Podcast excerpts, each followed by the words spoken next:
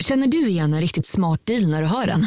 Fyra säckar plantjord för 100 kronor. Byggmax. Var smart. Handla billigt. Just nu till alla hemmafixare som gillar julast låga priser. En slangvinda från Gardena på 20 meter för vattentäta 499 kronor. Inget kan stoppa dig nu. Ja, Hallå?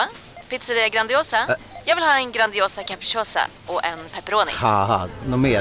Med kaffefilter. Ja, Okej, ses samma. Grandiosa, hela Sveriges hempizza. Den med mycket på.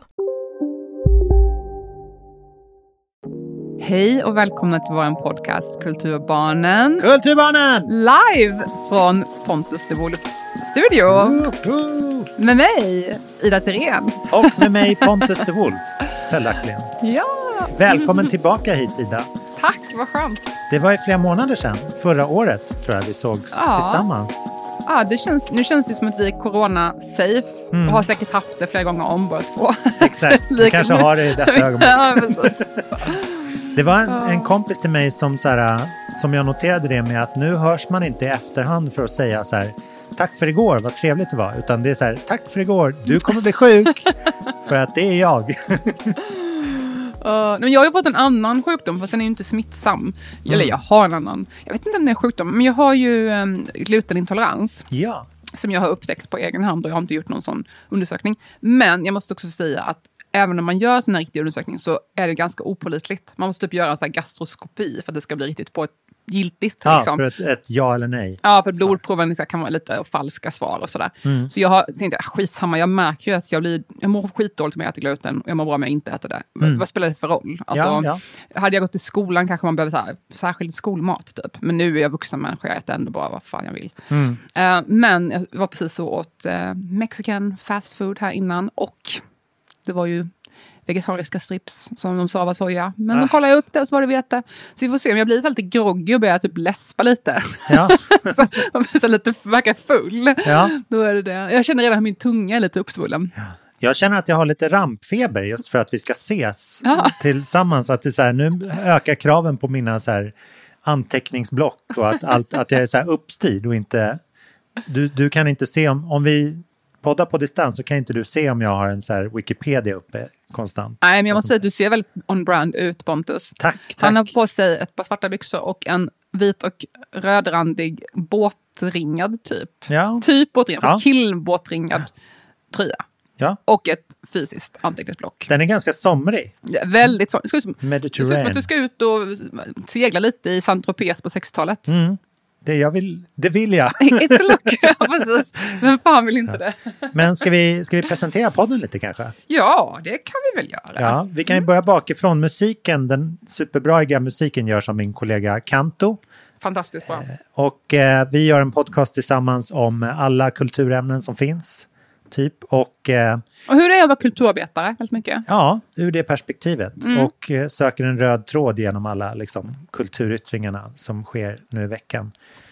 Eh, vi är i en expansiv fas kan man säga. Vi hoppas det kommer hända massa roliga saker till Ja! våren. Och många nya som lyssnar, det är jättekul. Ja, det, det är häftigt. Och vi vill att eh, de ska få chansen att bidra till att det blir en bättre podcast av det. Och att den liksom hittar nya lyssnare och följare och sådär. Och idag så har jag startat upp Facebookgruppen, eller Facebook-sidan. Har vi en Facebook-sida nu? Ja, Då får du bjuda in mig. du är, du är mycket snart inbjuden. Men jag satt ju förra gången och klagade på hur dåliga Facebook-sidor är. Så nu får vi bevisa att jag har fel. Ja, de brukar vara väldigt bra i början noterar jag. Då är det häftigt. Det är också liksom enda sättet jag vet hur jag kan nå ut till mina vänner på Facebook. För att om jag inte ska sitta och så här skicka mest till dem. Man kan ju en ha en en. Facebook-grupp. Ja, det kan man göra. Mina tankar gick dit, men Mm. det är lättare om vi eh, vill dela events och bjuda in till grejer och sånt där, att man har en sida. Man kan ha öppen grupp. Ja, det kan man ha. Det Ja, kanske vi blir nästa se. steg. Ja, nu, vet, nu finns vi på Facebook i alla fall. Mm. Och självklart finns vi på Instagram också, men det vet ni redan. Ja, när du sa ex, expans, expan, Mm. I en expansiv expansiv fas. fas trodde jag skulle säga att vi är ju experter. Och det tänkte jag, åh vad skönt att du acknowledge my expertise. Men det kan jag säga att vi också är. vad är du expert på Pontus? Jag är expert på musik och eh, nördfakta om saker. Men även eh, litteratur och film. Sånt där. Så man kan säga att du tar, du tar väl ifrån det. Ja, precis. Jag, där känner jag litteratur, där är ju, ligger jag mer på nördnivå. Litteratur och ehm, typ så här, allting kvinnor, eller så, alltså intersektionell feminism kanske, det hållet liksom. Alltså allting sånt, kritik mot systemet. Där håller jag ganska hög flagga. Och sen även historia är ju också mitt ämne. Jag har ju pluggat historia på universitetet och bara allmänt väldigt intresserad. Eh, och så lite mer så ex- existentiella frågor. Men det dyker ju bara upp ibland i podden. Men ja, så det är väl mina riktiga... Jag har egentligen bara tre intressen. Ja.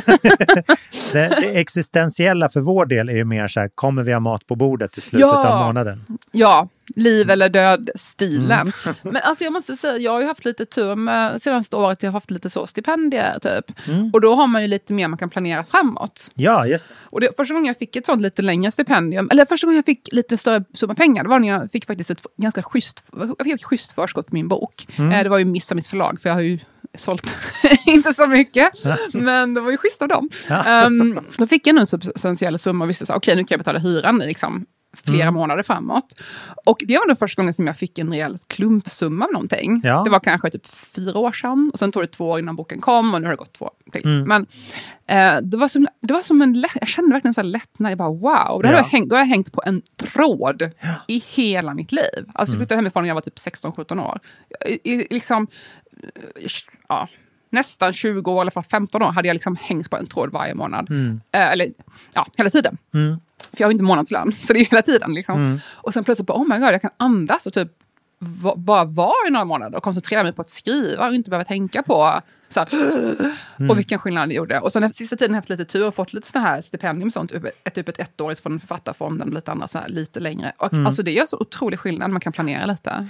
Det är det som är så trist, att det är då man märker att man är bäst på att skapa också. Ja, Det är inte när man så är tvungen, liksom. Då tar man ofta de, de dåliga besluten. Jag såg någon tweet eller något Instagram-post för ett tag sedan som var just om det här, typ att när folk har mycket pengar, till exempel har föräldrar som har mycket pengar och sådär, väldigt ofta vänder sig folk till kultur på olika sätt. Precis. Eh, om de inte själva är jättesugna på att tjäna pengar och starta företag och sådär. Mm. Och det är ju typ det, jag tror att människans naturliga tillstånd är ju skapande. Så det är olika hur nördig man är med det, så Mm. att säga, eller hur nischad man är. Men alltså kan vi bara få skapa så gör vi ju oftast det. Ja, verkligen. Och annars, en annan typ av stöd är ju att man just är förmögen och eh, supportar och köper konst och kultur. Åh, Det är också drömmen. En, ja.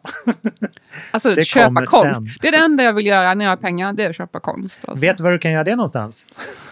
Nej, berätta På för mig. Liljevalchs vårsalong såklart. Just det, man kan ju köpa grejerna där. Ja, Ja. du har ju varit där, berätta. Jag var där. Mm. För att eh, nu, nu känns det ju verkligen som att det är så här eh, museisäsongen. Alltså vår, våren har satt igång. Mm. Just och eh, förra veckan var jag på Modernas den här utställningen Svenska Eh, förvärv. ja, svenska förvärv. Ja, som vi pratade om i förra veckans Mm. podd. Och eh, samma dag så öppnade vårsalongen på Liljevalchs för 101 gången. Oj! Ja, de hade jubileum förra året. Eh, men det är ju en, en årlig liksom, tradition där de eh, samlar ihop mängder utav eh, konstverk från olika konstnärer i Sverige. Blandar liksom högt och lågt och eh, en, en bombastisk liksom, trendspaning kan man säga. Eller den är ju mer så här... Tvärsnitt. Liksom. Ja, tvärsnitt, verkligen. Om, om den här moderna utställningen var lite mer så här, nu ska vi försöka sia i vad som liksom ligger framför oss, så är den här verkligen så här, vad händer just nu? Vi tar in en, en, ett medelvärde, Mm. Just tvärsnitt. det. Vad finns det? Och det var ju väldigt roligt, det var härligt att konstatera att det är mycket färg som finns just nu. Jaha. Eh, det var väldigt, jag var där för tio år sedan, då var det liksom så här, Jockum Nordström trendade. Ja, så här Och- teckningar Ja, och... Mm. det var allt var grått liksom, eller i trä. Men nu var Nu är liksom färg är väldigt tillbakaetablerat. Men jag har fått en intryck också på konsthögskolorna, jag har hört lite så här snacket gott, både bland lärare och elever, att man har rört sig mycket från det extremt konceptuella som dominerade väldigt länge. Mm. Mycket så här betongblock. Liksom. Man bara så här, är det här ett konstverk eller en del av ett byggarbete? Typ Ja, så. ja. Eh, Mycket sånt. Liksom. Mm. Men nu har det blivit mycket mer måleri, alltså figurativt. Mm. Och rört sig mer mot det här lite mer traditionella figurativa måleriet. Och, så det är väldigt kul. Jag tycker väldigt mycket om det. Så Ja. jag blir väldigt glad över att se det. Och de har ju sett, jag tror det är lite så här, kan man säga att det är en Sara Wide Eriksson-effekt kanske? Det vill man... Hon, har ju börjat, alltså hon är ju i min ålder och har varit... Eh, hon gillade min bok. Jag, Ja. Mm, jag vill bara slänga in den här. Gillar finns i affären. finns på, oh, vänta, jag måste bara säga en sak. Min bok finns på rean. Som Aha. börjar nu, den, nästa vecka. Ja, ja, ja. Jag säger det nu innan jag glömmer. ja. Eh, för typ så här 70 spänn. Alltså, Herregud, mycket bill- alltså billigare än vad jag betalar Mm. att köpa. Alltså mm. den stora boken, inte pocket, utan den här liksom stora Mm, versionen. Så den kan man köpa om man ge- ger bort i present. Mm. I alla fall, Sara Wide Eriksson, hon har ju fått jättemycket framgång de sista åren. Eh, ganska länge nu, ska jag säga, kanske tio år Ja. egentligen. Och det är ju ungt för att vara konstnär. Ja. Och hon målar ju väldigt figurativt. Mm. Eh, och jag tror att det har blivit, jag märker det, jag pratar med yngre konstnärer. Jag har till exempel en kompis som lyssnar på podden. Mm. Som går på Mejan här, Kungliga, Kungliga Konsthögskolan. Och hon är också väldigt stort fan. Hon blev helt till sig när jag bara, jag har ett eh, Sara Wide konstverk hemma. Typ. Jag köpte det Ah, ja. en ja. gång i tiden. Um, skitstort. Och hon typ trodde jag ljög. För hon bara, oh Mm. my god, starstruck typ. Så jag tror att det har gjort att jättemånga unga konstnärer nu söker sig, inte bara hon, men det finns en stark rörelse mot figurativt. Ja. Och det är ju det är en rolig grej att de, väldigt mycket är väldigt prisvärt på den här på ja. vårsalongen. Och, eh, och väldigt många är liksom up and coming konstnärer. Så vill man slå till på ett konstverk så är det ett ypperligt tillfälle. Har du gjort det? Eh, jag har inte gjort det, men jag blev ganska sugen på en. en... Men säg inte vilken det är. Nej, okej. Jo, men jag måste. För att den är säkert redan såld. Men eh, en, eh, en konstnärinna som heter Caroline Lindhult. Och nu Jag tar Pontus upp en liten bok här. Ja, jag köpte det i katalogen. Jaha. Som eh, jag rekommenderar. Det är alltså alla verk finns i deras katalog. Ja. Så det är därför jag... Eh, då kan man liksom ta med den till sin studio och visa kompisar som du. ja, precis. Eh, men hon har gjort den här, jag fyra, fyra porträtt. Berätta vad du ser.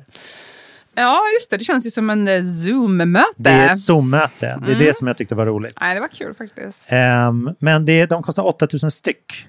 Så att jag vet inte, ska jag Aha. köpa... Jag kanske bara har 24 000. Vilka tre ska jag ta då?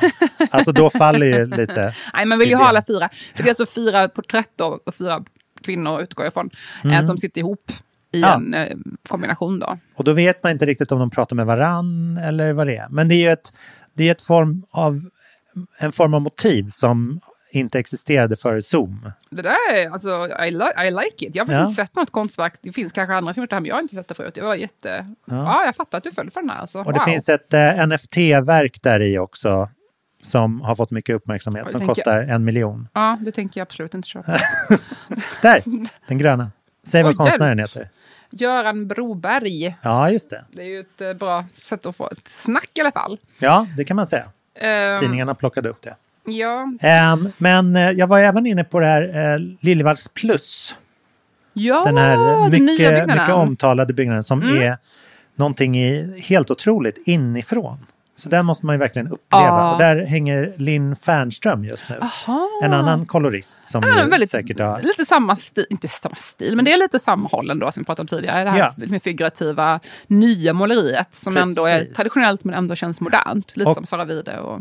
Och väldigt mycket en bidragande faktor till att eh, färg rules Mm. just nu. Nej, men jag ser man, gärna mer färg. Jag, är Mm. glad, jag är glad att se det. Och vi gick dit en, en torsdagkväll och de har ju värsta lifehacket. Torsdagskvällar är ofta, då är både Nationalmuseum och Liljevalchs öppet till åtta Ah. i Stockholm. Och Moderna är det på fredagar. Men Liljevalchs har även fri entré på måndagar när alla andra museer är stängda. Det är ett bra lifehack Ah, att veta. Jag gjorde faktiskt så, jag skulle träffa en kompis, vi har inte setts eh, förrän innan coronan, typ. Oj! Eller vi har setts lite, vi var på restaurang i den där förra pausen, alltså efter sommaren, Mm. när det var, man trodde det var lite normalt. Eh, men så skulle vi gå på restaurang igen och då kom jag på så här, men vi går på museum istället. Mhm. För att så här, orka sitta och möga i ett, så här, ja då var man här igen då. Alltså liksom Orkar att sitta och prata med min kompis Ja. och äta Nej, men det mat. blev mycket friare att liksom gå och göra någonting. Jo, walk and talk. Det var väldigt bra. En dejt helt enkelt. Ja.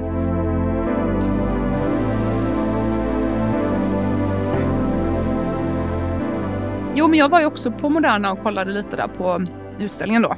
Ah, Som vi pratade om sist. Mm. Nu har vi redan pratat om den en gång. Men jag var på den i helgen och träffade också en kompis till mig, som, mig som bor i Paris. mm. Och sen så har jag också jobbat lite grann. Jag håller på med min bok hela tiden, Mm. så det är ju inte så mycket... Ny, nytt ämne! Ida skriver på sin bok. Ehm, men jag är ju i den väldigt underbara fasen nu att jag har kommit väldigt långt med texten. Ja. Så nu är det bara att fortsätta skriva och fylla på och redigera, vilket är det jag älskar mest i hela världen, när man kan faktiskt vara kreativ och inte bara sitta och... Det tog mig ett, över ett år av i princip bara research, alltså bara läsa och liksom ta anteckningar. Eh, vilket också är kul, för jag gillar historia och sådär. Det är ett historiskt ämne jag skriver om. Men nu är det inne i den kreativa fasen, jag kan bara gå loss och vara lite mer skapa. Så det är väldigt kul. Så nu har jag uppe i, jag tror jag hade tre, jag hade 300, 300-400 sidor som ändå är läsbara. Jag tror kanske det är typ snitt fyr- 14, så det är lite, kanske 300 sidor i normal. ja. Men det är ganska mycket. Så att nu är det bara frågan hur mycket som ska vara kvar och hur mycket som ska redigeras. Så att jag är väldigt inne i det. Men jag har också gjort lite frilansjobb som jag nämnt tidigare. Eller jag gör ju hela tiden frilansjobb, men när det kommer upp. Liksom. Men jag har gjort en hel del intervjuer sista tiden. Och jag tänkte på en grej som jag ville ta upp i podden, som jag har märkt av. Alltså jag har ju jobbat som journalist sedan jag var 13. Ja. Eh, så det är ju några år nu. Och det började med att jag var på lokaltidningen i Värnamo och skrev ganska mycket faktiskt under tonåren. Först på ungdomssidorna och sen eh, som sommarvikarie i princip varje sommar under gymnasiet. Från typ 16 till 20 kanske. Mm. Och sen i perioder har jag varit vikarie längre tider. Och sen har jag börjat, runt 25 började jag frilansa. Så att jag har i princip försörjt mig på att frilansa i 12 år nu. Eller förutom då. Grattis. Tack. ja, förutom då de här sista åren när jag har försökt bott hos mina föräldrar och haft stipendium. Så jag har jobbat väldigt mycket mindre. Eh, men jag har märkt då, av allt det här. Jag, har gjort, jag vet inte hur många intervjuer jag har gjort under årens lopp. Jag har säkert gjort liksom tusentals intervjuer. Mm. Och jag måste säga att jag är fakt- faktiskt ganska bra på det. Jag, jag har fått höra det flera gånger, både av dem jag intervjuat men också av folk jag jobbat med. När jag haft fotografer eller så, så har jag fått höra att de bara wow, du är så bra på att få folk att öppna upp och liksom känna sig bekväma. Och, eh, mitt knep, jag vet inte om det är så uttalat, men det, jag, jag är väldigt bra på att öppna upp själv. Alltså jag kan bara så här, ah, mitt liv suger, jag, jag är ensamstående sedan fem år tillbaka, jag har inga pengar, bla bla bla. Och då är liksom ribban så låg, vad ska de säga? Då måste de också säga någonting. Ja. Alltså, det är inte så att jag typ gör det med flit, det är Nej, bara nej. som jag är som person. Men effekten blir, har jag märkt, att de också känner så här, oj, nu är garden helt nere. Ja. Då är det bara att snacka liksom. Och så glömmer de bort att, oj, det här är ju faktiskt en intervjusituation. Mm. Och tror att jag inte har någon aning vad jag håller på med, för att jag sitter bara och babblar. Men jag har jättebra koll på läget. Och texten blir oftast väldigt bra. Liksom. Mm. För att jag kan det här så mycket, så jag, jag, frågorna kommer automatiskt. Fast det låter som att jag inte ens frågar någonting. Nej, Fast nej, nej. Det blir ändå bra, typ. Ehm, så det är jag faktiskt väldigt stolt över. Det är ju lite synd att jag är stolt över något som jag egentligen inte bryr mig Nej, det här får du passa dig för. Vi, det pratade vi om i förra veckan också. Att, ja, Man ska inte vara bra på någonting som man inte gillar. Nej. Just, just intervjuer tycker jag är kul. Alltså jag gillar verkligen intervjuer. Kanske man skulle göra lite mer, kanske göra det mer på mm, ljud eller video. i framtiden. nödvändigt ont i journalistik. Ja, inom precis. journalistik kanske. Men alltså, jag tycker ju om lite mer djupintervjun. Så. Det är Ja. mer att jag inte är intresserad av att skriva nyheter eller så. Eh, men med det här lilla Hamburg, ja, inte så Hamburg, med det här lilla bragget. Jag tycker jag förtjänar det. Jag säger bara stating facts. Jag är väldigt dålig på många andra saker. Kan inte laga mat, kan inte städa. Men det här tycker jag ändå att jag är bra på. Men då har jag märkt en grej. Sista tiden har jag gjort flera stycken intervjuer. Så det är alltså inte bara med en person specifikt, utan det här är flera återkommande grejer. Och jag tycker att jag har märkt en skillnad i de här då 30, vad blir det? Är det 30? Nej, 20 år. 12, nej, nej 36 minus 12. 20 någonting åren som jag har hållit på att intervjua folk professionellt. Märk, har jag märkt en stor skillnad i hur jag blir bemött som journalist. Jaså? Och skillnaden är då att jag tycker att förut fanns det någon slags respekt typ för det att så här, ja men du är journalist och du kan ditt jobb. Kanske inte när jag var 14, men jag var ändå lite så här, ja men du ska skriva intervju med mig, okej. Men jag tycker att det har blivit, jag märkte det lite påtagligt nu för det var så här, jag, har inte, jag har inte gjort intervjuer på något tag, på kanske ett, ett eller två år nästan. Och plötsligt så eller bara ett fåtal, och så plötsligt var det flera stycken på raken som jag gjorde. Och jag kände bara, men herregud vad alla ska liksom peta i texterna och liksom vad, vad, vad händer typ? Varför tar folk inte, litar de inte på mig? Att jag vill göra en bra text, eller har jag blivit sämre? Är de liksom? inte livrädda för mig? Ska de lägga sig i det här? Nej, men alltså jag är ju väldigt snäll när det kommer till intervjuer. Jag har aldrig varit en så här politisk reporter, utan det är alltid så mysintervjuer med. Så det är ju inte så ofta jag skriver någonting som ska skada någon, utan det är Nej. ju oftast, det är inte hänga ut någon, det är ju så här mysstilen. Men ändå är folk inne och ska peta mycket mer än jag var van vid. Ja. Och det är så här, oj, har jag blivit sämre? Eller har det hänt någonting? Och då tar jag upp det här med lite kollegor till mig, som också jobbar med att eh, intervjua folk som är journalister och sådär. Och det verkar vara en ganska utbredd epidemi. Ja. Och men tänker man efter så är ju skälen förmodligen helt logiska. Och det är ju då för att det har blivit så himla mycket värre om man säger fel. Ja, det ja, absolut. Alltså om du skriver ett citat som är taget ur sin kontext och det kommer ut på internet. Du kan bli, ditt karriär kan bli förstörd. Alltså ditt liv kan bli förstört. Du kan få en svans, du kan, efter det du kan få massa hundratals tweets på dig. Du kan, alltså, det, det, kan, det är psykiskt påfrestande. I alla fall om man är som mig, en riktigt softig. Alltså jag håller på fortfarande att återhämta mig efter min eh, elaka recension jag fick som typ sågade mig på fotknölarna. Jag fortfarande behöver gå i terapi för det. Alltså, om, man är, om man är som jag, som är en superkänslig person, det är ju fruktansvärt att hamna snett. Alltså skulle Ja. någon ta ett citat ur kontextet och sådär. Så jag förstår att folk har blivit mer bekymrade och behöver kontrollera mer. För det är mycket större stakes. Än Ja. Förut hamnade det en papperstidning någonstans, ingen såg det. Nu finns det överallt på internet, vem som helst kan hitta det och googla runt och slänga ut det. Alltså, Innan var det mer så här, aha, det här är forumet, det här är en typ kulturtidskrift och man pratar om det här. Också att forumen var mer slutna, liksom, man visste sin publik. Nu har man ingen aning vilken målgrupp som kommer plocka upp den här texten och försöka mm, göra det värsta möjliga av det. Eh, både liksom på alla håll och kanter, alltså både Ja. nazister och eh, feminazister. Alltså. Mm, Så det är som, allting är plötsligt väldigt mycket farligare. Och det, det är ju en jag försöker inte säga att det är dåligt att folk ehm, inte kan slänga ut vad som helst. Det är ju jättebra. Att vi kan inte, man, folk, folk råkar illa ut om de säger någonting rasistiskt eller korkat eller dumt. Det är ju jättebra. Men det är ju väldigt synd om någon som faktiskt inte menar illa plötsligt hamnar snett. Liksom. Så jag förstår att folk är mycket mer ängsliga. Ja. Och vill liksom dubbelkolla bilden innan de läggs ut och man vill kolla texten. För att den här bilden kommer finnas på Google Search foto i resten av ens liv. Och den i sin tur kommer ju användas som pressbild eller eventbild eller liksom Ah. slussas vidare. Så det blir någon slags så här visklek. Liksom. Exakt, för jag kan ta en bild på någon, det var i lo- lokaltidningen, ingen såg någonsin igen. nej. och nu är det liksom bilder på mig som är skitfula som är tagna till någon så här Ja, snapshot till Mm. någon text liksom, som kommer finnas där för resten av mitt liv när folk googlar Idrettsren foto. Alltså jag förstår att folk är mer nojiga. Jag blir ju först lite stött och sur och sen inser jag att fan jag fattar vi det måste här. samarbeta i detta. Det är Nej, liksom en ny situation. Alla har ju också på något vis blivit så här hobbypublicister. Ja. I och med att man liksom lägger upp på, inom något sociala medier någon gång i veckan kanske. Eller så här. Då tänker man ju igenom väldigt mycket liksom, på, på hela det liksom, grafiska. kan ju hända att folk bara är så här, mer nyfikna nu också. Alltså, att, Ja, men också, alltså jag menar både och. men också en förvirring kring format. Jag tänker ofta Mm. på det så här. Jag vet inte, jag ofta tänker på det sättet när folk skriver så här. Ah, eh, folk lägger, någon, någon skriver en lång eh, Facebook-status och så kommenterar någon bara. Åh, Mm. vilken intressant artikel. Man bara, är det här en artikel? Det här är en Facebook-status. Mm. Eller jag sett folk som bara så här, åh, jag har tips på en bra roman som handlar om det här. Och folk tipsar om faktaböcker. De bara, ja, tack så mycket. Man Ja. bara, det här är inte en roman. Alltså, förlåt, det kanske jag som är lite känslig, men jag tror att folk har mycket... För kanske nu eh, tio år sedan så skrev jag mycket för Aftonbladet Kultur. Och då skrev jag ett mejl till min redaktör. Jag bara, jag tror det skulle vara bra om ni på nätet skrev så här, det här är en kulturartikel. Kultursidorna är en plats för debatt om, om samhällsfrågor och kultur. Så att folk fattar, för att folk vet inte längre vad som är vad. Innan Nej. öppnar man en tidning, typ Aftonbladet till exempel, då öppnar man den, andra sidan är det ett uppslag står det kultur, och så vet man här kommer det vara personens åsikter och röster och så vidare. Sen kommer det vara nyheter, det är nästa sida.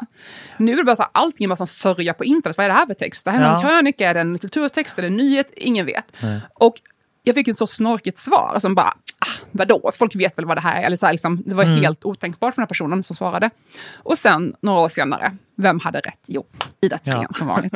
Nu står det ju i de flesta texter så här, det här är en kulturartikel, det här är pers- personens egna Ja, just åsikter, det. bla bla. Det var exakt det jag föreslog, fast typ så här, fyra år innan. Ja. Och jag tror att det är en total förvirring nu kring vad för format. Så här, Är Ja. det Facebook-status, är det en artikel, är det en publicist bakom, är det inte det? Ingen vet. Nej.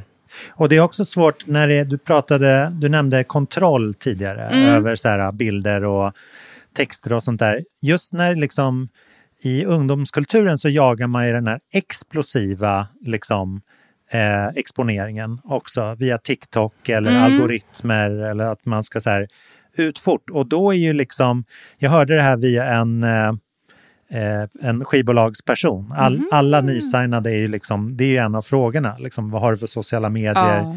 Vad är din TikTok-stil? Och sådär. Hur kan vi liksom spinna det här? Och dels tyckte jag det var roligt att de sa att om man får en sån här explosion, liksom, som till exempel några som hade åkt ut Mello nu hade gjort så här, jag vet inte om jag ska bli ledsen för att jag är sist i Mello eller att jag är överst på Spotify. Så här, för att, Och då hamnar ju det, då hade det blivit så här, en halv miljon views på, på jättekort tid. De liksom. sa det i videon. Ja, Ja. precis. Och då, och gjorde någon kul gest Ja. till det. Liksom. Men då får man ju ganska mycket så här, eh, otrevliga kommentarer, eller man får ju Mm. jättehatisk feedback för att då är ju så här 99 procent av de som ser det är ju inte ens följare. De har inte Nej, valt precis. att följa dig. Liksom. Det kom upp de i är- deras sida bara. Ja, Mm. och då apropå den här kontrollen då, att så här, det här kommer ju läsas av så många som så här, inte är förberedda på min kontext. Ah, fatta Eller det så här- är skoj eller fatta den stilen. Ja, eller att så här, det här är en person som har kämpat länge. Ja, eller här, exakt, Det är exakt. inte ens i Sverige som, som huvudsaken av explosionen sker. Liksom. Just det. Ehm, så där är man ju också väldigt kortsiktig. Det, det, det ska ju gå så himla snabbt, Mm. allting. Mm. Så att det, man får verkligen vara liksom försiktig. Och det är ju absolut inte för allas psyken Nej, att hålla förstår- på med det där. Jag fattar inte hur folk pallar. Alltså. Jag Nej. skulle jättegärna vilja vara mycket mer offentlig person för jag tycker att jag har mycket att säga om det ena och det andra och Mm. skulle gärna prata i flera forum. Men jag vet inte fan om jag pallar psykiskt. Alltså, det är Nej. så högt tonläge och folk är så elaka mot varandra. Mm. Alltså, jag, jag blir jättestressad av att ens tänka på det. Ja. Det är Nej. synd att det ska bara vara för de som är så kalla och hårda. Den Samhällsdebatten är bara för folk som inte har någon hjärta. Ja. ja, men det var ett annat exempel där så här, en, en kollega som hade körat i Idol för massor av år sedan och då hade det varit en stor stjärna där. Och sen eh, Ar, Ar, Ariana Grande tror jag det var som så här, gästade. Och då bara så var det någon som plockade upp det nu att så här, för fan vad den här körtjejen sjunger falskt. Och så hade det kommit ut till så här 140 000 personer.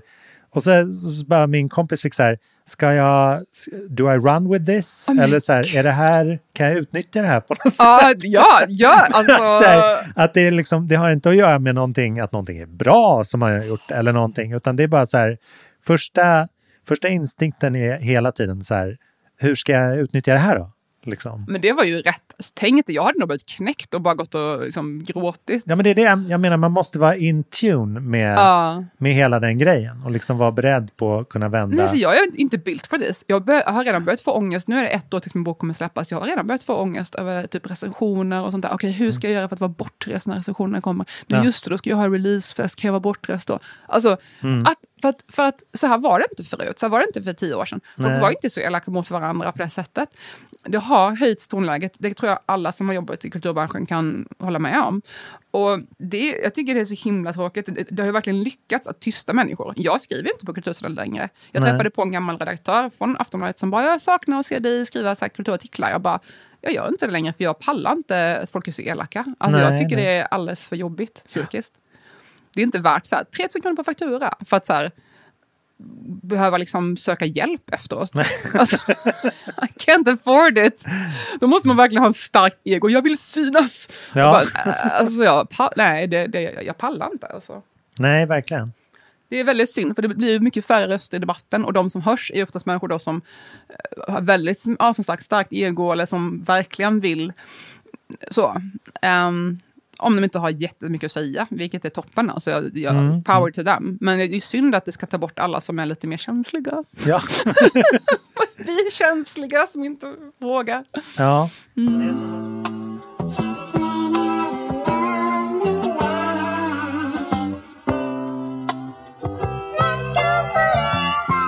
Jag började läsa, eller jag läser på eh, ljudbok faktiskt. Eh, Daniel Bergmans nya roman. Mhm, det, det Hjärtat. känner jag inte till. Jaha, okej.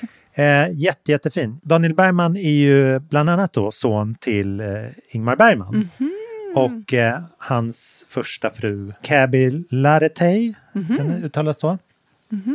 Och det här är en bok som, som handlar dels om hans uppväxt och liksom arbete som, eh, som eh, filmare själv. Han var regissör. I slutet av 90-talet slog han igenom. Eh, bland annat han gjorde de här barn Kajsa Kavat-filmerna som är Astrid Ah. Lindgren-filmatiseringar. Eh, och regisserade även Söndagsbarn som var ett, ett sent eh, Ingmar Bergman-manus som han regisserade. Men sen tog hans liv en vändning eh, när han 2002 släppte dokumentären Prioritet 1 om ambulansförare. Eh, och då sad- sadlade han om och blev ambulansförare. Okej, shit, I did not see that happening. I did not see that coming. Alltså jag blir så chockad. Ja, apropå Aha. så här, tidigare pratade vi om så här förmögna människor, att de kan hoppa in i konsten. Liksom. Barn till förmögna. Det här är så här, kulturbarn kan hoppa in i vården. Ah, vad skönt! Det där är ju drömmen. Ja. Alla ska kunna röra sig som fritt som man vill. Precis. Ja, men det här var liksom en mycket större, det var en mycket bättre rutin för honom, kände han. Så att så här, bara det gör en till en spännande Man lösning. gillade det här adrenalingrejen. Liksom. Ja, exakt. Men sen är det en... eh, Sen, senare i livet så råkar han även ut få en jättehemsk diagnos Mhm. på en sjukdom han bär på. Oj. Så att den här eh, självbiografin är väldigt, väldigt väl strukturerad. Eh, för att den liksom handlar om hans barndom, hans eh, år som filmare och professionell och nutid, liksom, när han skriver till sitt barn. Eh, som han kallar för hjärtat. Men, jag, jag funderade på varför så här, biografier är lättare att hänga med på som ljudböcker än romaner till exempel. Och jag tror att det är för att den är mycket här, strukturerad kring ett jag hela tiden. Ja, Så även det. fast han hoppar, liksom, det är tre olika tidslinjer liksom, och alla går framåt och så här, men han kan ju hoppa obehindrat mellan dem. Mm. Eh, och så är det alltid liksom utifrån honom till... Och det är han själv som läser in det. Exakt, och han läser in det fantastiskt, Mm, vilket mm. också är en fördel. Mm. Eh, men att han liksom, eh, det är bara från honom till en lyssnare hela tiden. Alltså, jag tycker det är jätteproblematiskt, fel ord, men det, är ju lite komplicerat hur ljudböcker har blivit så stora. Fast Mm. böcker, för att man skriver ju, jag är inte den första att konstatera det här, men när man skriver skönlitteratur Mm. eh, traditionellt, då har man ju en uppfattning om hur det ser ut på pappret. Och exempel, I alla fall för mig, varje radbrytning, varje ny sida, varje nytt kapitel, de har en betydelse. Man tar Mm. Ja. en liten paus, man andas.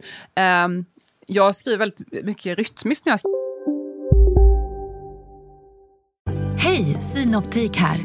Visste du att solens UV-strålar kan vara skadliga och åldra dina ögon i förtid? Kom in till oss så hjälper vi dig att hitta rätt solglasögon som skyddar dina ögon. Välkommen till Synoptik. Just nu till alla hemmafixare som gillar julast låga priser. En slangvinda från Gardena på 20 meter för vattentäta 499 kronor. Inget kan stoppa dig nu.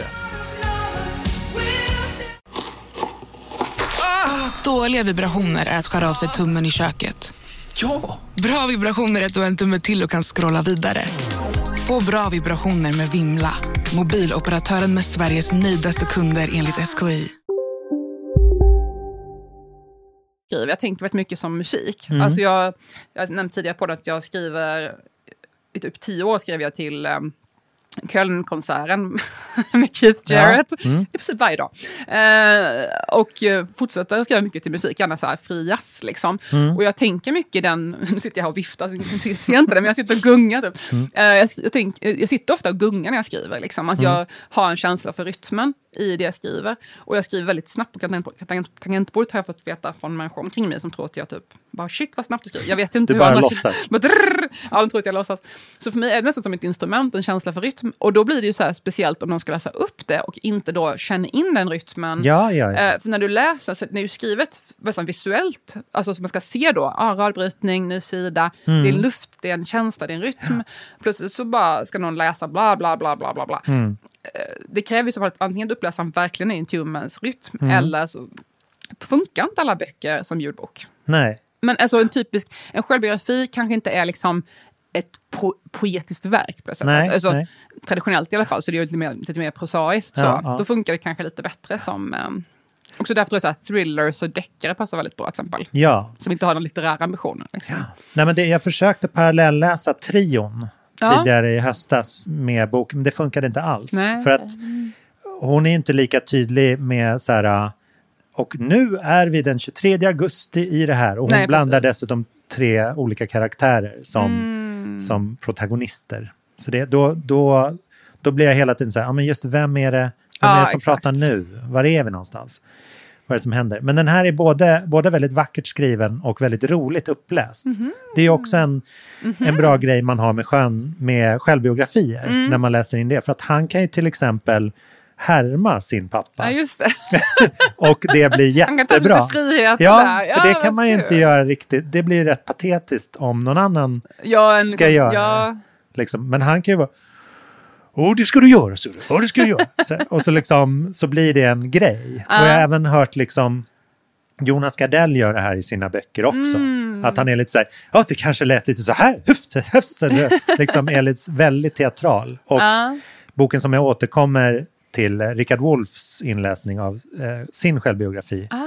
Rikki Tikki Tavi, som jag Okej. lyssnar på årligen. Jaha, kanske. okej. För den är helt, helt otrolig. Oj, det måste jag kolla ut. Eh, och den, det, det skulle nästan, Monica Zetterlund har också läst in sin. Och det Ah. blir svinbra. Liksom. Jag tänkte faktiskt på det här i morse. Alltså, hur, vi har ju en uppfattning, till exempel när det kommer till konst eller musik, Mm. att om jag är väldigt intresserad av konceptuell konst och går på en konceptuell konstutställning, då kommer jag recensera det utifrån det. Jag kommer Mm. inte gå till en konceptuell konstutställning och recensera det som en figurativ. Bara, det här var jättedåligt avbildat. eh, Ja, ja, det var inget likt. Det var inte likt, Nej. typ så. Mm. Eh, eller om jag går på musik och jag älskar hiphop och så går jag på en popkonsert, kommer jag inte bara säga vad dåligt de rappade. Alltså då Ja. man, man, man tar ett hänsyn till liksom... Som när hiphop kom. ja, men lite så. Så var det kanske. Så har det varit. Vad är det för pratsång? De kan inte sjunga. Eh, men jag tänker att man får ha lite uppfattning om stilen man tittar på, eller Mm. kontexten. Men jag uppfattar att det ibland saknas i skönlitteratur. Mm. Eh, alltså av kritiker. Ah, ah. Ehm, och jag tycker det, min känsla är att det finns en väldigt stark norm i Sverige för hur bra litteratur ska vara. ja, Eh, ja. Det finns till exempel en särskild så här, biskops Arne-rösten. Eh, alltså man kan nästan känna igen den när man läser. Man bara, aha, det här är biskops Arne. Alltså det låter väldigt mycket biskops Arne. Jag säger inte att det är dåligt eller så, men eller bra, eller så, så här, det här är jättedåligt eller det här är jättebra. Det är bara så här, det här är biskops Arne, det har ett sound. Det, ja, just det det. Ja. sound, det var rätt. Jag var nöjd jag blev med den formuleringen. Ja. Biskops Arne har ett sound. Ja. Det är lite som man kanske har, kommer från, eh, ja men du älskar ju Beatles, halva det här rummet är fullt med Beatles-grejer Ja, ja. Det är en studio. Halva. halva den studion. Ehm, Det här, nej, men- jag måste säga det bara, det här, nu är du här så jag kan berätta. Det här är ju en, en replika av min första egna lägenhet. min, min man cave. Liksom. Ja, det är Så att lite här jag, eh. det här jag har Billyhyllan och liksom de, de väldigt random placerade vinylboxarna och Jag tycker inte det, det saknas lite- Nintendo-figurerina. Ja, precis. Har, jag tänkte precis, Jo då, har, de är jag, där. precis, jag saknar lite så här plastfigur. Jag tänkte så, typiskt killar. Ja, du har det. De är där! Ja, de är var- där. Mm. Jag såg inte dem. Eh, nej, men jag tänker om man bara säger, aha, men jag vet liksom Beatles, Mm. men typ om man Apple-soundet. Eller om man gillar så här min indie-stil, så ah, det är typiskt Ja, eller sub- Motown. Motown eller sån ja, grej. Sub Pop, Ja. folk som gillar indie. Alltså man vet ungefär hur soundet låter, eller Hybris i Sverige till exempel. Det finns ett sound. Mm. Ja. Eh, och så är Biskops Arne, det finns ett sound. Mm, mm. Och då ska det vara ganska allvarligt, ganska tungt, ganska experimentellt, liksom ett, ah, dramatiskt. Och helst ska man ha på sitt författarfoto att man ser väldigt seriös och allvarlig ut och kanske lite djup, sinnig. Lite sårad. Och eh, det är liksom stilen bara. Ja. Alltså, det är stilen. I, I, det, jag respekterar det, stilen. Jag har inte, inte gått på Biskops Arne och jag eh, har min eget sound. Mm. Och det är lite störigt för vissa människor. Bara så, här, aha, men det här är ju inte, du kan ju inte vara en klok och djup fattare för du håller inte på så här. Mm, Liksom. Ehm, och sen finns det det finns lite olika sådana här skolor. Mm. Det är väl den starkaste skolan i Sverige, med att det är kanske så här elitutbildning i litteratur. Mm. Så det, och väldigt många författare har gått där. Så att, men ehm, det har gått, jag skulle säga att går tillbaka ganska långt i tiden, att det finns den här känslan, liksom, ända sedan så här, existentialis- existentialismen och typ Karin Boye. Och det fanns Mm. vissa ganska tunga liksom, seriösa svenska, så här, man ska helst vara väldigt djupsinnig och svår och det är bra Mm, litteratur. Och helst ska det vara lite tråkigt att läsa, det ska inte vara för kul. Det Nej. ska inte vara underhållande eller lättläst, det ska vara rätt så, man ska plåga sig lite när man läser Ja. det. Det där är bra litteratur. Allt annat är liksom feelgood, Mm. deckare och skit. Typ. Ehm, och då är det intressant tycker jag, för att det har börjat dyka upp en, en ny genre, som jag pratar om i alla fall i engelska språkiga världen, som är ehm, typ Goodreads eller något sånt här. Alltså heter något sånt. Som är så här, på gränsen mot, det är inte feelgood, men det är liksom typ Sally Rooney. Alltså så här, jag, jag har inte läst Trier, men jag gissar att den skulle också kunna passa, passa in i den genren. Det är liksom mer lättläst, fast ändå har litterära kvaliteter. Ehm, jag skulle gissa att Taylor Jenkins Reid, som jag pratade om tidigare i podden, Evelyn eh, Jones Sju äkta män, eh, bland annat har skrivit, ehm, och Daisy Jones and the Six, båda två jättebra. Men den, de gissar jag också tillhör den kategorin. Det är liksom väldigt lättläst som en feelgood, fast det har ändå lite djup och lite um, litterär kvaliteter. Och jag skulle säga att min bok, bok, bok också tillhör den kategorin. Vä väldigt lättläst. ja. Mm. Men ja, ja vad bra.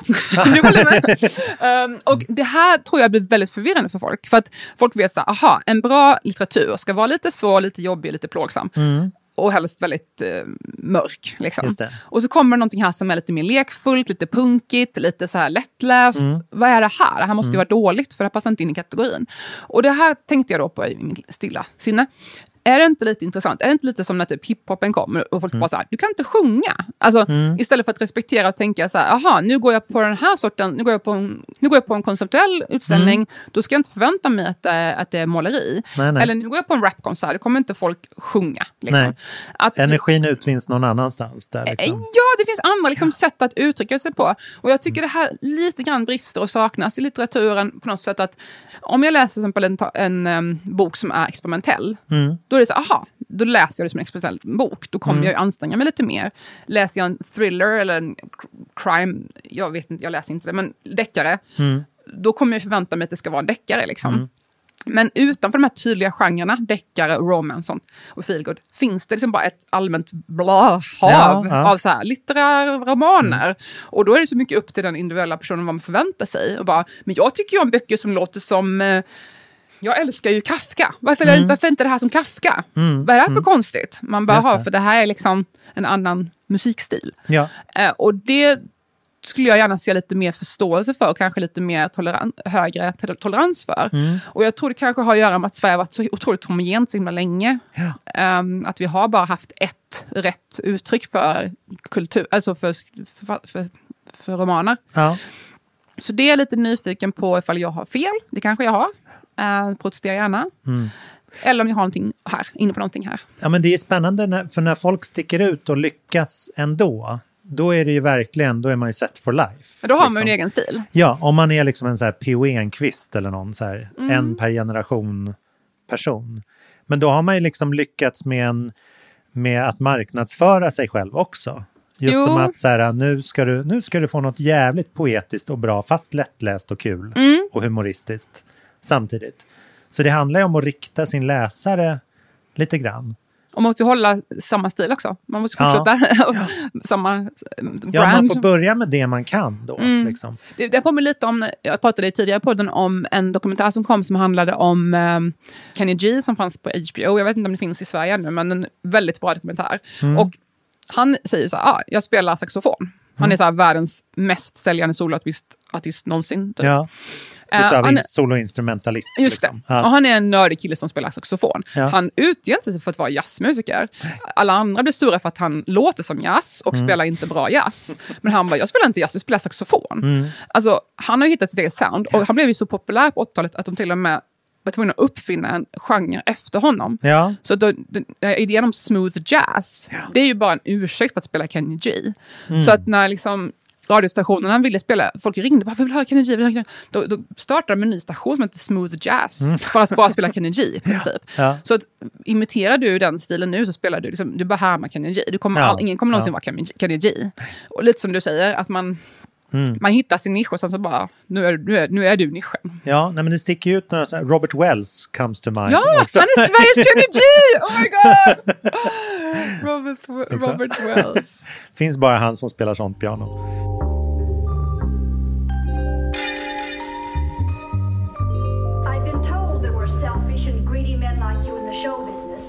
Men en sista grej som hängde med mig här nu när vi kom in på musik i Daniel Bergman-boken var att som, som ambulansförare så får man så här, eh, lära sig hur man ska kontrollera sin så här, CPR, alltså sin hjärt-lung räddning. Mm -hmm. För att ofta fylls man med så här mycket adrenalin då. Ah. Eh, så att man liksom börjar pumpa för fort. När man kört och stressat. Ja, exakt. Mm. Men då lär de ut att den, den perfekta liksom raten för att göra det här, det är att man ska tänka på eh, Bee Gees Stayin' Alive. Vilket lämpligt tema också. Ja, för den går... Och det, det är liksom tempot man ska ge. pumpa hjärtat på. Men det säger också någonting, det visar ju hur tacky mänskligheten är att den heter Stayin' Alive. Och sådär. Men den säger också någonting om disco. Så här, varför det är det som går bäst att dansa till. För att det liksom är en... Jag tänker nu hur det låter. Ja. Det, är en, det är inte en vilopuls och Nej. det är inte en hysterisk technopuls. Men det är en en skön discopuls. Liksom. Shit. Det är lite som baktakt på något sätt. Ja. Alltså det är lite så. Mm, ja, mm. men man kan, det, det, den ligger på 103-104 BPM, alltså slag mm. per minut. Mm. Om man dansar till det, då klarar man liksom flera timmar. det, det är så roligt. Wow, ja, okej. Okay. Shit, alltså mind blown. Det här var riktigt fet info alltså. Ja, så disco är the heart rate of the men, dance floor. Jag, shit, alltså, men jag har, ju, jag har ju märkt att jag tycker väldigt mycket om... Det är min slutsats förresten, det är inte Daniel Bergmans. Ja, jag är otroligt ja. imponerad mm, Pontus. Tack. Cred. Um, jag har ju märkt personligen att jag är väldigt förtjust i bastung musik mm, överhuvudtaget. Mm. Um, och inte lika... Ja, jag, jag är inte så svag för den är så dist, för distat. Liksom. Är det liksom. för att du har så stort hjärta? ett skört hjärta har jag i alla fall, jag kommit fram till. Jag vet inte hur stort. Nej, men ähm, ja, jag, jag, vet inte. Det är det här med, jag har hängt mycket på Berghain när jag var i mina dagar. ja. Och nykter, inget sånt. Men står gärna nära, gärna mycket bas, alltså står gärna nära högtalarna, mycket bas. Mm, det är mm. väldigt lugnande för mig. På vägen hit så var det en väldigt, jag åkte tåg hit till Stockholm. var någon på tåget som jag bara fick så inte good energy från. Mm. Blev lite illa till mods. Och jag kände jag, måste ta, jag kan inte lyssna på den här människan prata mer, för den höll på att prata. Så jag, jag tar på mig mina hörlurar och så hade jag inte med mina sådana här noise cancelling Bose har jag nej, nej. investerat i mm. för att mm. slippa människors... Jag är ljudkänslig. Mm. Men har jag inte med mig dem, då har jag med mina vanliga såna pluggar. Stoppar in dem i örat och det hjälpte ju inte så mycket. Men då upptäckte jag att man kan ju lyssna på sån här white noise. Ja, och jag ja. hittade white noise som var så här regnskogsregn. Mm. Alltså jag mådde så bra. Gud vad härligt. Ja, det var lite samma, som, en, som någon slags takt i ja, det, fast ja. ändå inte typ. Alltså, oh Naturens brus. Underbart. Mm. Satt och skrev. Men ah, förlåt, ur, ur fokus. Va, mm. Vad pratar vi om nu? Ingenting, men jag uh-huh, såg okay. Matrix 4 också. Okej. har du sett den? Nej, det har jag inte. Det är roligt att så här, för några veckor sedan så sa jag jag ska nog se den på bio. Mm. Eh, nu såg jag den på HBO. Alltså jag såg den på tvn hemma. Eh, som ett Future. tecken i att så här, oh, jag, ska, jag ska bara ge en kort... Eh, jag, jag har sett kanske en tredjedel, sen somnade jag. Det, det är min... Pappastilen. Ja, exakt. Men eh, om det är på tv så känner jag att man kan hacka upp filmer även. Mm. Det, jag tyckte om den. Det, det verkar vara en bra så här, väldigt metastruktur i den. Liksom. Mm. Den, eh, den går ju väldigt mycket ut på att så här, för 20 år sedan så skapade du ett spel som hette The Matrix som verkligen så här, lurade alla att gå in. Alltså den, den är jätte... Le, leker med sig själv, om man ah. säger. Det är nästan på gränsen till oseriöst att den är gjord. Den hade kunnat vara liksom en kortfilm. Alltså nu är det bara en massa remakes. Men jag pratar om det. Ska ja. gå, upp, gå in i, gå in i det igen. Okay. Men det är intressant att det är, tiden har Alltså tiden mellan bio och film, tv och sådär har ju gått ner så extremt mycket. Ja. Och på många, på alla Disney-filmer så här är det ofta day and date med, eh, med liksom bio och film. I det här exemplet så resulterar det till exempel i en stämning från produktionsbolaget som liksom har signat på att de ska få en viss procent på bioförsäljning. Ah, ja, och då så det. dödar den det. och så, så här, på samma sätt som Scarlett Johansson ja. eh, ville ha mer pengar för att hennes Black Widow gick direkt till pay-per-view. Eller ah. ja. eh, men det, det är en väldigt stark dynamisk rörelse i så här, var, hur ska vi finansiera vår film? Typ när tittarna bidrar med så mycket mindre pengar mm. liksom, till allting. Så här, men vi förväntar oss ändå att det ska vara de här super superbudgetproduktionerna. Ja, men vi ska, ha, vi ska ha det tillgängligt gratis hemma också. Alltså det går, går ner i samma avlopp som musiken lite grann. Men vi pratade tidigare om också som att de hade, släppte en film, det var ju den King Richard som kom först på HBO, i alla fall i USA, Mm. och visades typ så en vecka på HBO och sen var det på bio. Sen på bio? Ja, och Ah. sen var det igen på HBO efter Aha. typ en eller två Ja, månaders lucka. Så att de som hade tur och såg den släppas på HBO, vilket var till exempel jag, Mm. snackade om det en massa. Och var så här, oh my god, den är skitbra, den finns bara två dagar till. Ja, jag kommer, ska försöka hinna. Så bara, då har man folk snackat om det, så bara, aha, men då går jag och ser den på bio istället. Det var ju också ett. Spännande. Ja, det är lite som, de experimenterar lite så nu för att se vad som funkar och Ja. vad man kan göra.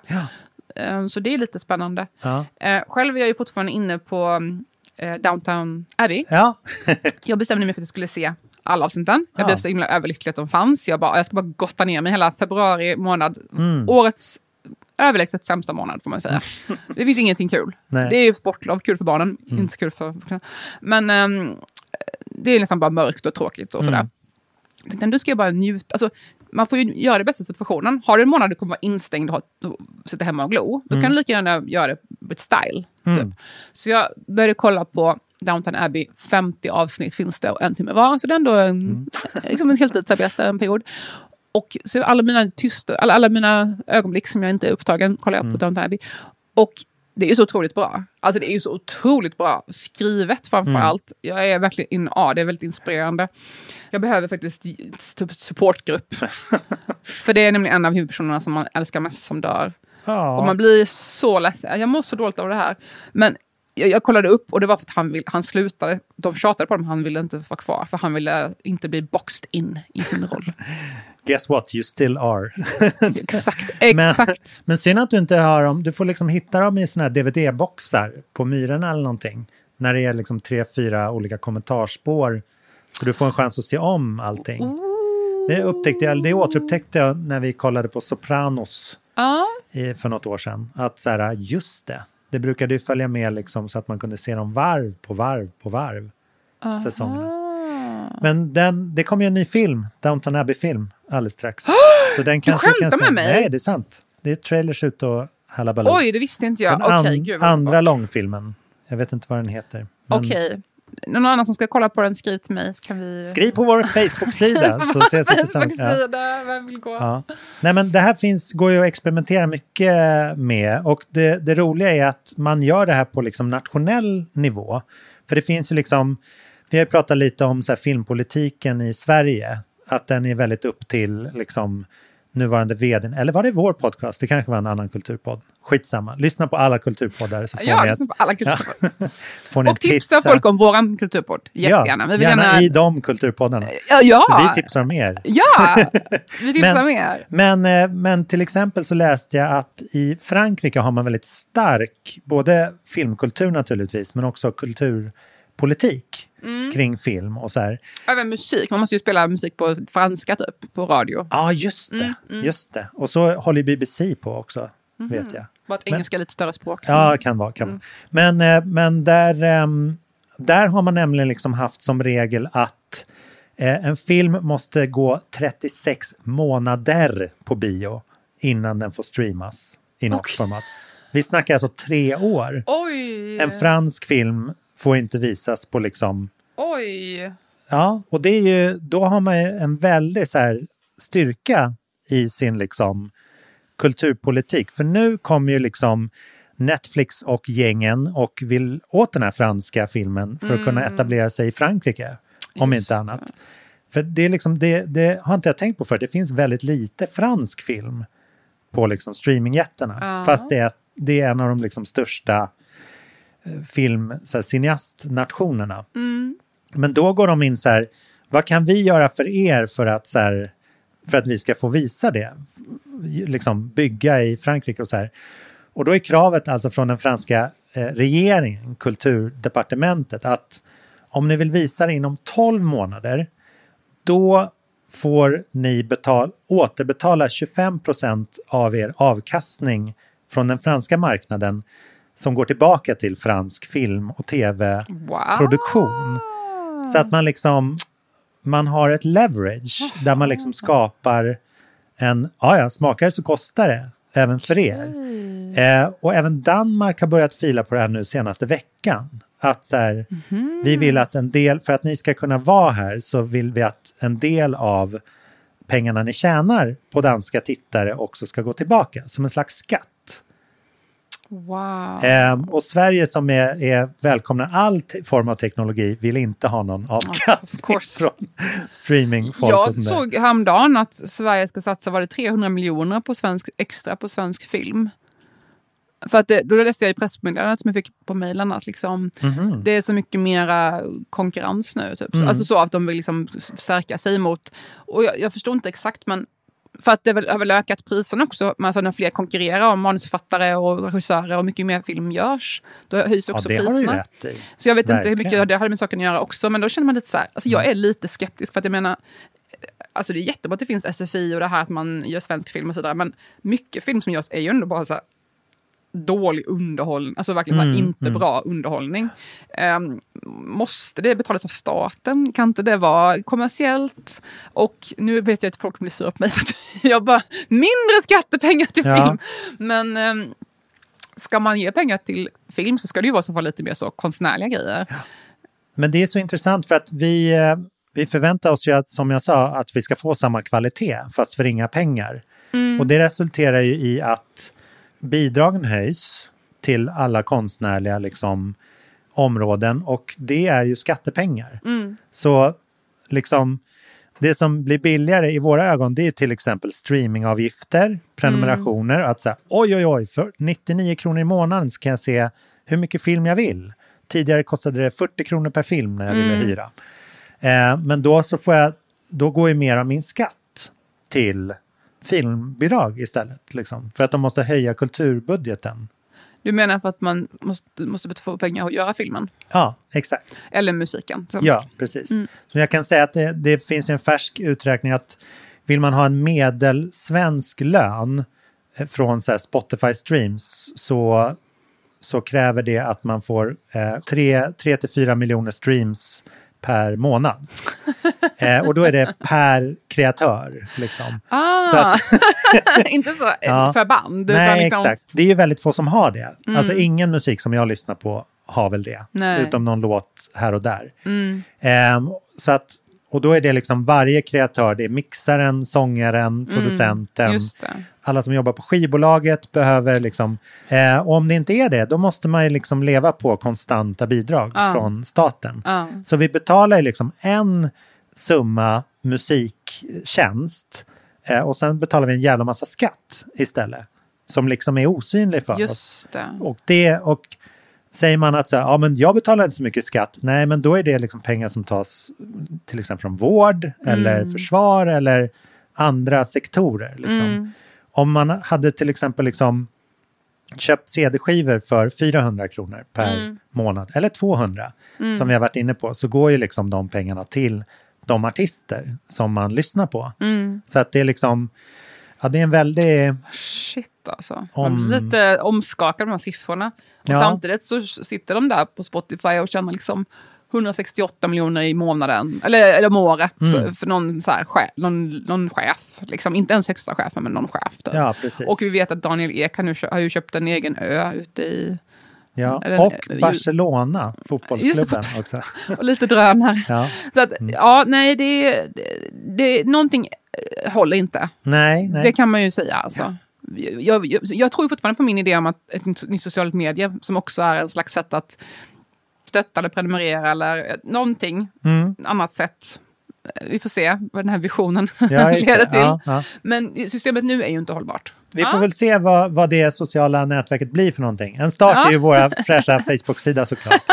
Och lyssna på alla de andra kulturpoddarna också. Vilka finns det? Varg sin podd, givetvis. Vi har Petri Klubben, ska man lyssna på. Man ska lyssna på Kulturbarnen. Yes! Kan du några fler? Eh, eh, Britta och Paris, har de fortfarande om kultur eller? Det vet jag inte. Men det, man kan lyssna för att ta reda på det.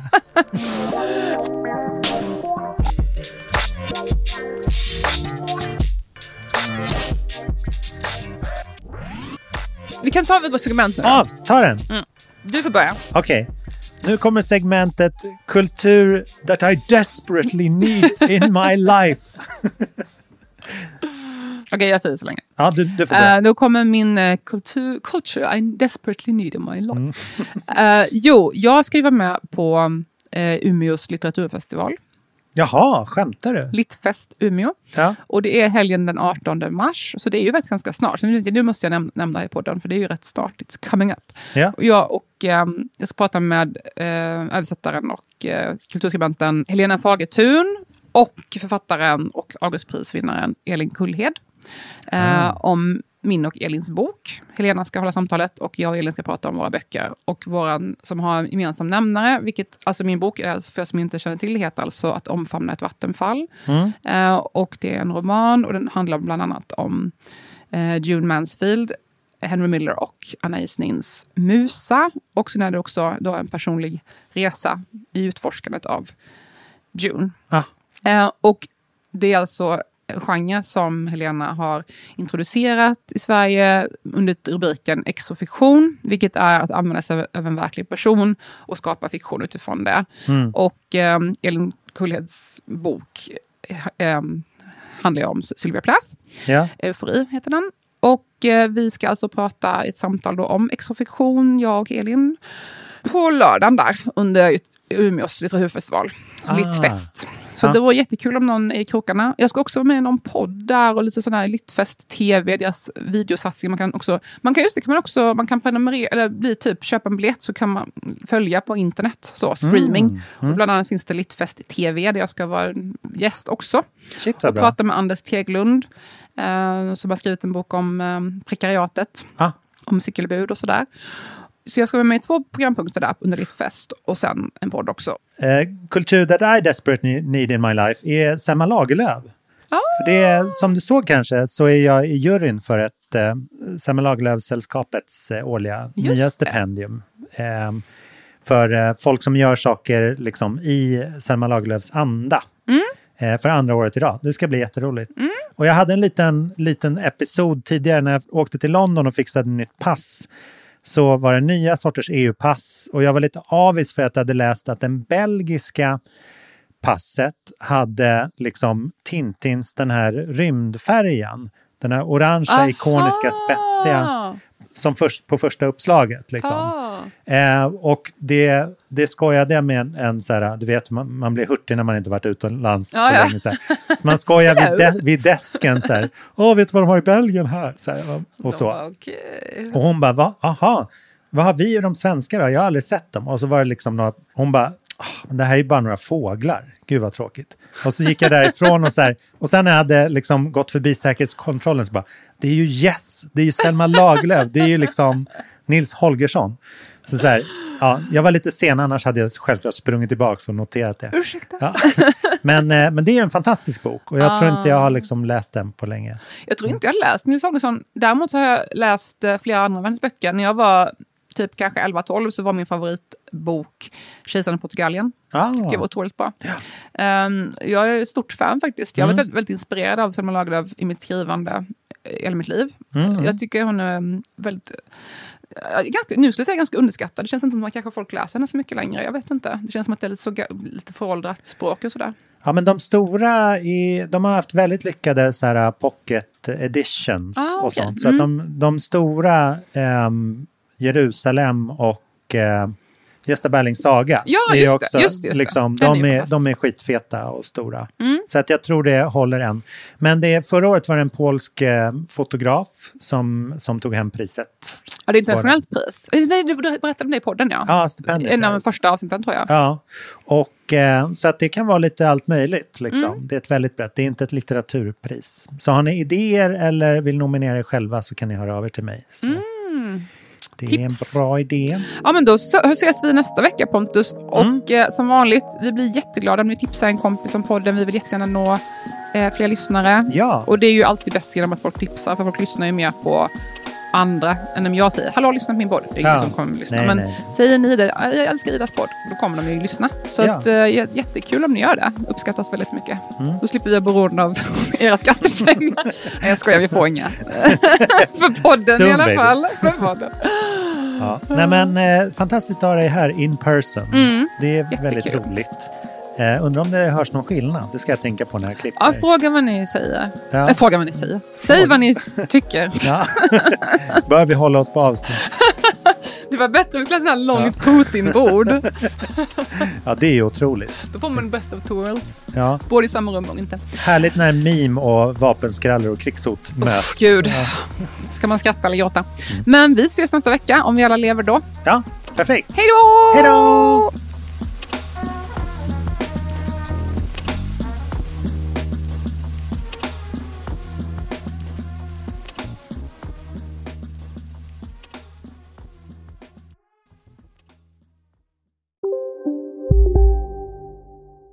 Du, åker på ekonomin. Har han träffat någon? Han ser så happy ut. Var det onsdag? Det är nog Ikea. Har du dejtat någon där eller? Han säger att han bara äter. Ja, det är ju nice alltså. Missa inte att onsdagar är happy days på IKEA. Fram till 31 maj äter du som är eller blir IKEA Family-medlem alla varmrätter till halva priset. Välkommen till IKEA. Upptäck hyllade XPeng G9 och P7 hos Bilia. Våra produktspecialister hjälper dig att hitta rätt modell för just dig. Boka din provkörning på bilia.se xpeng redan idag. Välkommen till Bilia, din specialist på XPeng. Välkommen till Unionen. Jo, jag undrar hur många semesterdagar jag har som projektanställd och vad gör jag om jag inte får något semestertillägg? Påverkar det inkomstförsäkringen? För jag har blivit varslad, till skillnad från min kollega som ofta kör härskarteknik på möten och dessutom har högre lön trots samma tjänst. Vad gör jag nu? Okej, vi tar det från början. Jobbigt på jobbet. Som medlem i Unionen kan du alltid prata med våra rådgivare.